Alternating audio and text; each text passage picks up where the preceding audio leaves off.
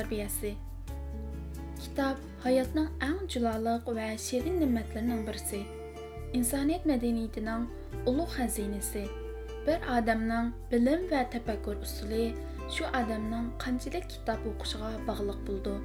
Şununğa oxşaş bir millətnin sapasımı хәле zor dərəcədə şu милләт kişilərinin китап oxuş əhvalığa münasibətlik булды. Qarab баксак, китап oxuş xeyrismə millətlər dal hayotiy kuchi urug'ib turgan raqobat angi kuchli millatlar ekanligini bayqaymiz.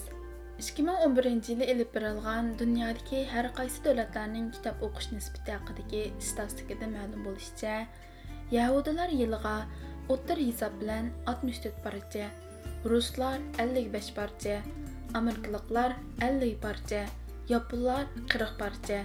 koreyaliklar 11 parcha kitob o'qiydi ekan. Fransiyada ayollar o'tir hisob bilan yili 12 parcha erlar to'qqiz parcha kitob o'qiydi ekan. Chungo'liqlar bo'lsa 2.8 parcha kitob o'qiydi ekan. Amsa uyg'urlarning kitob o'qish nisbati qanchalikdu oilani idora qilg'uvchi farzandning tunji ustozi bo'lgan uyg'ur ayollarining kitob o'qish ahvolichi qo'limizda bu to'g'riliq aniq sonliq ma'lumot bo'lmasimi javobning ko'ngilni g'ash qildiganligi hammamizga ayon. Oilani idora qilishmi xuddi bir elni idora qilganga o'xshaydi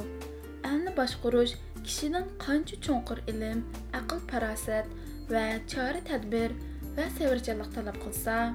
oilami ayoldan bilimlik farosatli bo'lishni har ishda astoydil savrchan bo'lishni talab qildi bundoq farosat osmondan tushmaydi u faqat ayolning har vaqt kitob o'qib turishi uzluksiz o'rganib o'zini davomli to'liqlab yangilab mukammallashtirib turishidan keldi shundala u ayollik va onalik majburiyatini eng yaxshi ravishda ado qila oladi maktab ma'rif o'rganish manzillarining faqatli bir halqasi vaqt cheklimiz tufayli maktabning bir odamga o'rgatidigani nihoyat cheklik bo'ldi ammo o'rganish u umr bo'yi davomlashadi ayollar uchun texmi shundoq bo'lishi kerak Algeriya ozodlik harakatining mashhur rahbari islohotchi ibn badis mundoq degan kimki bir erga ilm o'rgatadigan u faqat birla odamga o'rgatgan bo'ldi kimki bir ayolga ilm o'rgatadigan u bir qavmga o'rgatgan bo'ladi degan. Tanning oziqi taom bo'lsa ruhning oziqi ilm hikmat onaning qalbi farzandning maktabidir kitobga yerish onaning qalbidan urg'ug'an ilm ma'rifat siyosiy farzandga eng yaxshi tarbiyani berib uning hayot yo'llarini yuritadi oy o'tib yil o'tib qo'liga kitob olmaydigan onaning qalbi qo'p quruq bo'lib na o'zini yuritishga na farzandni to'g'ri yo'lga selishga yaramaydi uyg'ur ayollarda kitob o'qimaslik masalasi haqiqatdan ig'ir hattoki kitob o'qimaslik odatga aylanib ketgan mayli aran savodi borlar bo'lsin yoki oliy ma'rif tarbiyasi ko'rganlar bo'lsin biz ayollarda kitobga bo'lgan ishtiyoqni ko'rolmaymiz. Qarab baqsaq xizmat talabi unvon ehtiyoj uchun mavjudlik uchun insoniy kamolot uchun kitob o'qiydigan ayollar bak oz ko'nglimizni bakmi yarim qildig'ini ayollar so'rinda ilm bilan kitobdan bo'lak jimiy gap so'zlar bo'linadi. Bizdek jamoatchilik eng kuchli millatlarda choy o'tirishlar bak ko'p. Nemishqa hech bo'lmasa mushu yeb ichish behuda parangdan boshqa ish yo'q so'rinlarimizni ilm so'riniga yaxshi kitoblarni o'zaro tavsiya qilishadigan muloyiza qiladigan so'ringa farzand tarbiyalash haqida o'zaro fikr almashtiradigan bu vaqtdagi yaxshi kitob yaxshi chora usul tajribalarni tunishtiradigan so'ringa aylantirmaymiz mening his qilishimcha uyg'ur ayollarining kitob o'qimasligida mundoq ikki turli sabab bo'lishi mumkin birinchi o'qishning ahamiyati qimmati uning shaxs va jamiyat ko'rsatadigan kuch qudratini tunib yetolmaslik ikkinchi kitob o'qishga rag'batlantiradigan turtki bo'ldigan qo'llaydigan ijtimoiy muhit shart sharoit va rag'batlantirgich kuchning bo'lmasligi man boshlang'ich maktabga chig'imda urumchi shahardagi boshlang'ich maktablar aro kitob o'qish maqol yozish nutq so'zlash musobaqalari doim o'tkazilib turiladi Biz зор иштияк bilan өзіміз жазған мақалаларны өзіміз жанлык декламация қылып, бірінші ишкенчеликни талашаттық. Ойласам, китапқа болған ашу рагбат балаларны дәсләптән китапқа баглайды екен. Россиялык Лона Чарский мындак деген: "Китап оқымайдыған саватлык адам немеге мас катар? Бұндақ адам яна такрар саватсызлыкка мәхкүмдүр." Хақиқаттан китап окумаслыкны саватсызлыкның яна бір түрі дейішке хаклыкмыз. Ayollar o'zini va dunyoni bilish uchun kitob o'qish kerak har vaqt erni o'ziga bog'lab turadigan farosatlik mehrli xotin bo'lish uchun kitob o'qish kerak yaramliq farzand tarbiyalash uchun kitob o'qish kerak oilani baxт qo'rg'oniga aylantirish uchun kitob o'qish kerak ijtimoiy taraqqiyotga bir kishilik his qo'sha oladigan jamiyatning tirik hujayrisi bo'lish uchun kitob o'qish kerak agar mushu tarzda yozsak kitob o'qishga bo'lgan minglab ehtiyojni yozish mumkin ayolning vaqti cheklik va to'la qimmatlik shunga xuddi do'stni tanlab tutgandek kitobni tanlab o'qish qaysi mazmundagi kitoblarni o'qishmi ta'kidlashga tegishli masala man bir qism ayollarni taniyman ularni kitob o'qimaydi desam yolg'on bo'ldi biroq o'qigandan hech bir manfaat unum hosil qilolmaslikda ular kitob o'qimagan barobar chunki ularning o'qiydigani butunlay sun'iy to'qilmalar bilan yozilgan oddiy turmush voqeliklardagi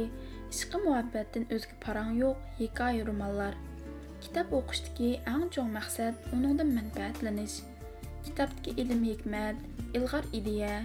aktiv tafakkurni o'rganish va hayotimizga tatbiqlash ammo ich pushqin chiqarish uchunla kalla ketmaydigan bizni o'ylantirolmaydigan tafakkurga boshlay olmaydigan kitoblarni o'qish vaqt isrof qilishdan boshqa narsa emas.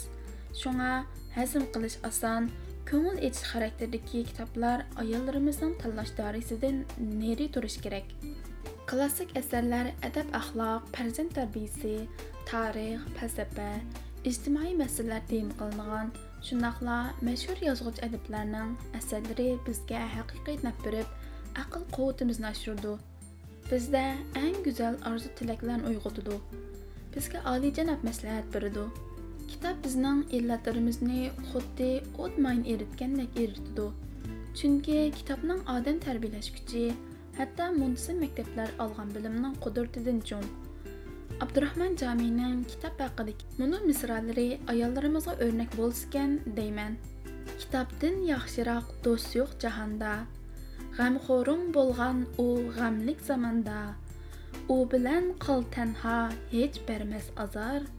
jininga yuz rohat bergusi takror. To'rtinchi yaxshi ulgu tiklash tarbiyasi. Zaminning obod bo'lishi uchun odamning xurujiga aqlimu hissiyotim aralashtirilibdikan shunga biz atrofdagi odam vaqa hodisalarning ta'siriga uchrab turmiz gohillardan suyunib so'qlansak gohillarga yoq tutimiz Ayollar hissiyatchan bo'lishda xususiyati bilan ish hadislardan texim oson ta'sirlanadi va nihoyat tizmoyilligini ifodalaydi yaxshi ulga ming ig'iz nasihatdan ortiq degan gap bor diyonatlik o'z mas'uliyatini tunigan va ado qilgan fazilatlik ayol mundoq bo'ldi deydigan yaxshi ulguni tiklash ayollar tarbiyasida nihoyat muhim o'rin diyonatlik o'z mas'uliyatini tunigan va ado qilgan fazilatlik ayol mundoq bo'ldi deydigan yaxshi ulguni tiklash ayollar tarbiyasida nihoyat muhim o'rin turdi bugungidek uchur davrda kishilar turmushiga eng yaqin turayotgan televizor kino e'lon va gazet jurnal matbuot vositalari buningda xili cho'ng rol o'ynaydi navoda biror salbiy hodisa ijobiy voqea sifatida tashviq qilinib hurmat libosi kiydirilsa bu kishilarning ideyasidagi to'g'ri xato qarashini ostin ustun qilib o'talaydi go'zallik ayblanib xunuk ko'rsatilsa kishilar uningdan xudiksiraydigan bo'lib qoldi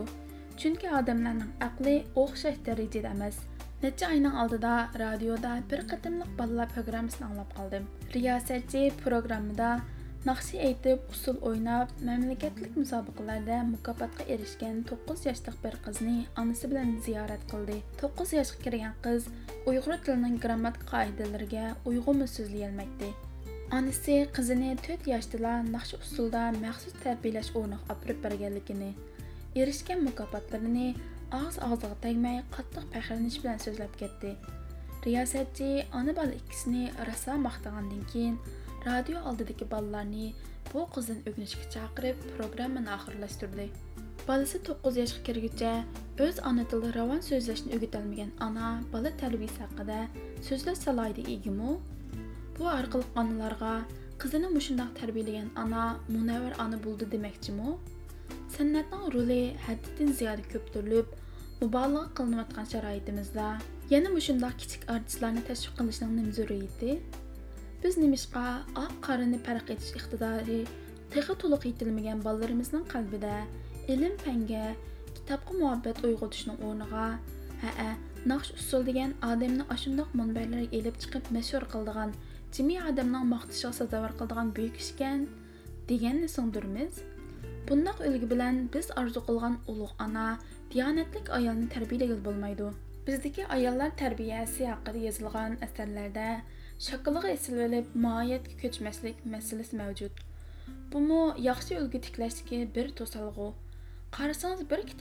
بەزىلىرىدە چاچنى قانداق ياساش ясаш керек, سۇرۇقنى قانداق سۈرۈش كېرەك керек, رەڭلىك كۇپتىغا قانداق رەڭلىك يوپكىنى كەيسى يارىشىدۇ دېگەندەك سىياھ قەغەز ئىسراپ قىلىدىغان مەزمۇنلار خېلى كۆپ ئورۇن ئىگىلەيدۇ قاراپ بېقىڭ چاچ ياساش سالونلىرى پەردازخانلار قەدەمدە بىر پۇتلىشىپ uning xaridorlar uzilmaydi soda savat ko'chalar girimni bo'lishiga qilib ochqil bo'ldiganlik yerlarini echib ko'z ko'z qilg'uchi qiz ayollar bilan liq to'lgan ayollarga nisbatan yasinish tarinish tilga olsa bo'ldigan nuqta ammo bugungidek yasinish tarinishdan boshqa oliy g'oyasi va qiziqishi bo'lmagan ayollar ko'payayotgan tashqi ko'rinishga ahamiyat berib ma'naviyatimiz qurg'udilib qilayotgan sharoitda siz yezib o'tirmasingizmi buni ayollarimiz haq dodiga yetkazayotganlik bizga ayollarning ruhiga ta'sir qiladigan ruhni yanglashga turtki bo'la oladigan asarlar kerak ulug' ona mas'uliyatchan ayolni tarbiyalash uchun radio televizor va matbuot vositalarimizda qiyib ketgan ezib ketgan emas. Dal joyiga tushgan yaxshi ulguni to'g'ri bayqab shuni ko'rsatish va tashviq qilish kerak qoida va tabliğdan mushundoq maqoldan natchini yozgandan bir yaxshi ulguning ta'siri cho'ng bo'ldi beshinchi ayollar yig'limsin yer yuzida insoniy muhabbatning eng oliy o'rnakini ko'rsatguchi o'zini butunlay unutib xolis beg'ishlash ruhi bilan oila va farzand uchun eng ko'p qurbonlik berguchi fidokor inson faqat ayoldir qaysi bir kitobda o'g'il bolaning hayoti tug'ilgan kundan boshlandi qiz bolaning hayoti to'y qilgan kunidan boshlanadi degan so'zni o'qigan esimda oila bo'sug'isidan otlagan kundan boshlab oilaning hech tamoqsiz mehnatlik amgaki boshlandi yana kelib bu amgak bir ikki yillik muddatda oyoqlashadigan bo'lmasdan ayolning umrining oxirigacha har minut har nafasda izchil davomlashadi oilasining baxti farzandning istiqboli uchun yoshligini aql farosatini hayotini pido qilib shamdek erib tugaydigan bu qadar hech g'arizsiz fidokorlikni faqat ayollarla qilolaydi oladi mushu fidokorlik bilan ayol erning muhabbatiga qadrlashiga hurmatiga erishishiga loyiq emasmi bu qadar xolis muhabbat va mehnat uchun erning asrishiga va kuyunishiga haqliq emasmi ayollarning universal selishtirmasida erlardan ojizligi bir reallik er masalalarni kuzatish va qaror berishda aqlga moyilligi yiroqni ko'rarligi ko'ngli ko'ksining kang apuchanligi jismoniy quvvati kuchlik ruhiyatda ham ig'ir mas'uliyatni ustiga ilishga loyiq yoritilganlik bilan ayollarning homiylar hisoblandi realligimizda erlar o'zlariga farz qilingan bu homiylikni qanchalik ado qilyotidi bir uyg'ur bilan to'y qilgan angliyalik ayol o'tgan yil erining janubdagi yurtiga tuqqa yo'qlashga kelib qaytishida urumchida o'z ta'sirotini so'zlagan o'ziga yangilik tuyulgan ba'zi ishlarni deb kelib men u yerda xili ko'p uyg'ur ayollari bilan uchrashdim meni hayron qoldirg'ini bu ayollar to'la yig'laydi ekan uyg'ur ayollari nemishqa yig'laydi degan uyg'ur ayollari nemishqa yig'laydi degan bu savol necha kungacha kallamda aks etib turdi? Zimmasiga yuklangan majburiyatini ado qilmagan zamon kulpatlaridan qiz ayollarni qo'g'dashning o'rniga qo'shlab turmush kulfati bilan ayolini qadrsiz qilgan erlar ko'p yerda ayollarning ko'zi yoshliq dili g'amlik bolalarning ruhi sungan baxti kamtik bo'ldi. Sizlarning yaxshilaringlar öz əhli ayalığa yaxşı müamilədə bulğunulur deyən təlimatını unutub getgan. Küzü dünyadan başqanı görəlməyən ərlər köp yerdə, ayalının yığısı köp buldu. Mən hazırğa çıxdıratqan söhbətləşkən ayallar arasında eri havayı həvəsinin keyinə kirib, öyünü buzğan, ballaraq atlıq mehir və tərbiyən əməz, bir tiyin bərmək, 4-5 balını beqişni xotun artıb qoyubla, yeni xotun bilən şirin turmuşni başlab alğan. Ana quşdək ballarını panayıq elib, həm ana, həm yoxunu bar qıldığan dadı bulub yaşavatqan ayallar xeyli köp. Özünün könlü üçün ayali və ballarını həyatının gözəl nisbələrindən məhrum qılıb, muhtajlıq köçüsü salğan ər lənət oqlarına kömülüşkə layiq. Ayali üçün tərbiyəsiz qalğan ballar üçün yaratqıcı aldıda vatan oldida javobgardir bir kishi umar roziyallohu anhuning yoniga kelib man ayolimni yaxshi ko'rmayman shuning uchun uni taloq qilaman deganda umar roziyallohu anhu ayolingni yaxshi ko'rmasangmi nikohga vafo oilaga rioya qilish mas'ul bo'lish deganlari yo'qmi yo'q bo'lsa dunyodagi uylarning hammasining ichi muhabbat bilan to'lganmi degan haqiqatan ayollar erlarning hamshirlaridir ayolini hurmatlagan er asli o'zi hurmatli erdir ayolni xorlagan er asli tegi past erdir yomonlik to'smalar ech o'tilgan fitna fasod ko'paygan zamonda ayollar xatolashsa ezib ketsa uni mehr muhabbat va to'g'ri tarbiya bilan oilaga qaytarib akilalaydig'ini er bo'lishi kerak chunki er u shafqatli dada chunki er u kuyimchan aka va afka chunki er u marhamatli tog'a chunki ar u ulug' nikoh bilan bu omonatni halollab olg'uchi umrlik hamroh arablarda mundoq bir hikmat bor. Ayol erga yo'g'onchilik qilmaslik uchun uning bosh so'ngida yaratilmagan shundoqla xor bo'lib qolmaslik uchun arning put so'ngidami yaratilmagan balki arning qanoti ostida turishi qalbiga yaqin turish uchun qo'rg'isidan yaratilgan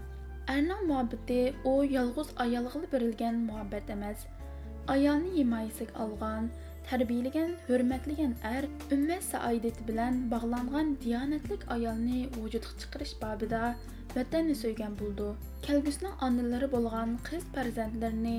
otliq muhabbat ham mas'uliyat bilan yaxshi tarbiyalagan er vatan uchun ulug' bir xizmat taqdim etgan bo'ldi o'z ahli ayolni himoyasiga ilib ikki dunyolik baxtini qo'ldan bermagan oilani barpo qilgan er ashunga o'xshash oilalarning ko'payishi bilan baxti ichiladigan vatanning baxtiga has qo'shgan bo'ldi uyg'ur erlari orasida ayolga bo'lgan muhabbatni farzand va oilaga bo'lgan burishni vatanga bo'lgan so'ygi va mas'uliyatga bog'lab tushungan erlar qanchalik chiqar talab o'lchamni ayollarga qo'ydik ammo shunisi haqiqatki Өзіге пәріз қылынған, атылық мәжбүриетні тұныған вә әң yaxşı ada қылған әрлер болмаса, biz рухи тоқ аны болу şərtlərini hazırlagan сапалық қыз болалмаймыз. Әрлік мәсулиетні yaxşı ada қылып, аялыны сөйген, қадірліген, асырған və қолдыған әрлер болмаса, biz ulug' ana va yaramlıq ayol bo'lolmaymiz haq ota qilgan zamon maqan nesibimiz bilan shundoq bir zamon yashayotimiz raqobat va xiris hammani vahimaga solgan turli madaniyatlar o'zaro ustunlik talashayotgan axloq va an'ana qo'rg'onlarimiz yemirilayotgan moddiy rohat farog'at hayotning g'oyis qilingan bular bizga ta'sir ko'rsatmoqda bizni g'idiqlamoqda ayollar bu o'zgarishlarning markazida turmoqda qiz ayollar tarbiyasi uyg'ur jamiyatidagi har bir shaxs har bir oila butkul jamiyat jiddiy ahamiyat berishga tegishli muhim masala. Chunki izimizni avloddan avlod qo'lay oladigan ikki dunyolik baxtni qo'ldan bermaydigan avlodliq onalik sharafini tushungan uningdan iftixorlangan diyonatlik ayolsiz vujudga chiqmaydi. Biz muhtoj bo'layotgan mukammal oila ayollik va onalik haqlarini joyida ado qilgan tarbiyalik ayolsiz barpo bo'lmaydi. Yuksalgan davlat Fazilatlik cəmiyyət şəxsi gəm qayğısı və arzu-armanlarını vətən gəmi və istiqbalğa bağlayalan aql ayalsız varlıq gəlməydi. Qismətlərimiz ayalsız yazılmaz, yollarımız ayalsız düzəlməz, istəklərimiz ayalsız çiçəkləməz. Tirişqanlarga yanılı fürsət və ümid бар. Tarixdən qalğan açıq savaq şuki, ki, Фаҗиәне күреп турыпмы, мидирлемганларның бешидә пәләкнең чагы тәтир чөглегене чөглегән.